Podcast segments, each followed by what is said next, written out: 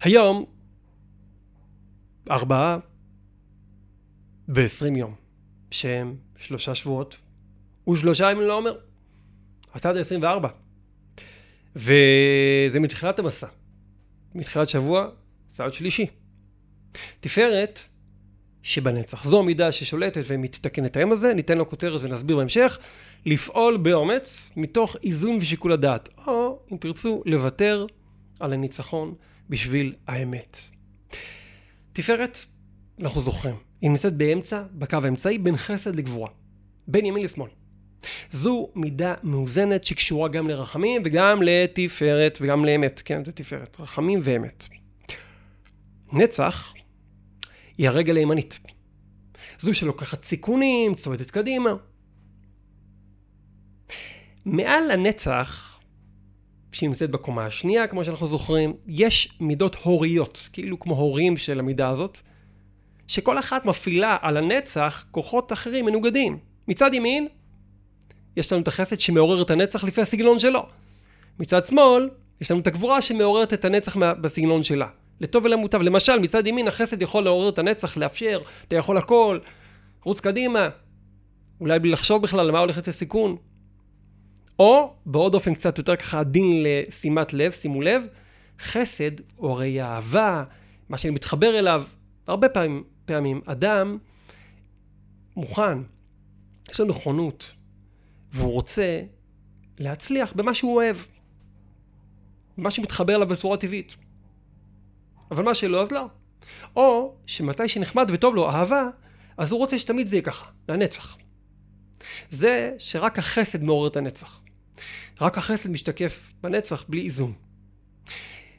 מה קורה כשיש לנו את הגבורה, ההשפעה של הגבורה לנצח? שוב, יש לזה גם ביטויים חיוביים, אבל הצד השלילי יכול להיות שהגבורה מעוררת את הנצח על פי דרכה. לנצח מתוך התעלמות מאחרים, לפעמים גם אולי מתוך אפלת אכזריות, או במובן של הנצחה, להנציח את מה שלא הולך, לראות רק את הקשיים, ולראות את הקשיים האלה כסיפור נצחי. מה שמוביל אותנו למחשבה כמו, אף פעם לא הולך לי, או אני חייב לדרוס כדי לתפוס מקום, כדי, כדי להבטיח את המקום שלי. כאן בדיוק מגיע מידת התפארת מלמעלה, ומאזנת בשביל הנצח. היא מוזגת אל תוך הנצח גם שיקול דעת, חישוב מה מול מה. תפארת גם תורמת לנצח גוון של רחמים. כלומר, גם כשאתה מנצח מישהו, מותר להרגיש כלפיו חמלה, הבנה. גם כשאתה עומד על שלך וזה טוב, טוב שכך, אתה יכול לעשות את זה מתוך התחשבות באחרים, או מתוך התחשבות והערכה לדעתם של אחרים. גם אם אני אעמוד על דעתי. נקודה למחשבה והרגשה, שבעצם זה עוד היבט לתפארת שבנצח. תפארת היא מידת האמת, כבר ראינו בשבועות קודמים. יש כלל שאומר הניצחון לא סובל את האמת. כשאדם נעול על לנצח, הוא ישקר, הוא פשוט בצורה מביכה אפילו, ישקר את עצמו, ויגרר לחוסר ראיית אמת, איבוד קשר עם המציאות לפעמים אפילו. התיקון של מידת תפארת שבנצח על פי הסגנון הזה זה לאפשר לאמת לנצח. כן, גם כשזה אומר שזה ינצח אותי. כי אני מעדיף שהאמת תנצח אותי ותאפשר לי להיות מחובר לאמת מאשר שהניצחון ינצח את האמת ובסוף אני אשאר עם שקר. אני ודאי לא רוצה, נצח ישראל לא ישקר, אנחנו לא רוצים לשלם על הניצחון הזה במחיר של להפסיד את האמת. אז נקודה למחשבה והרגשה.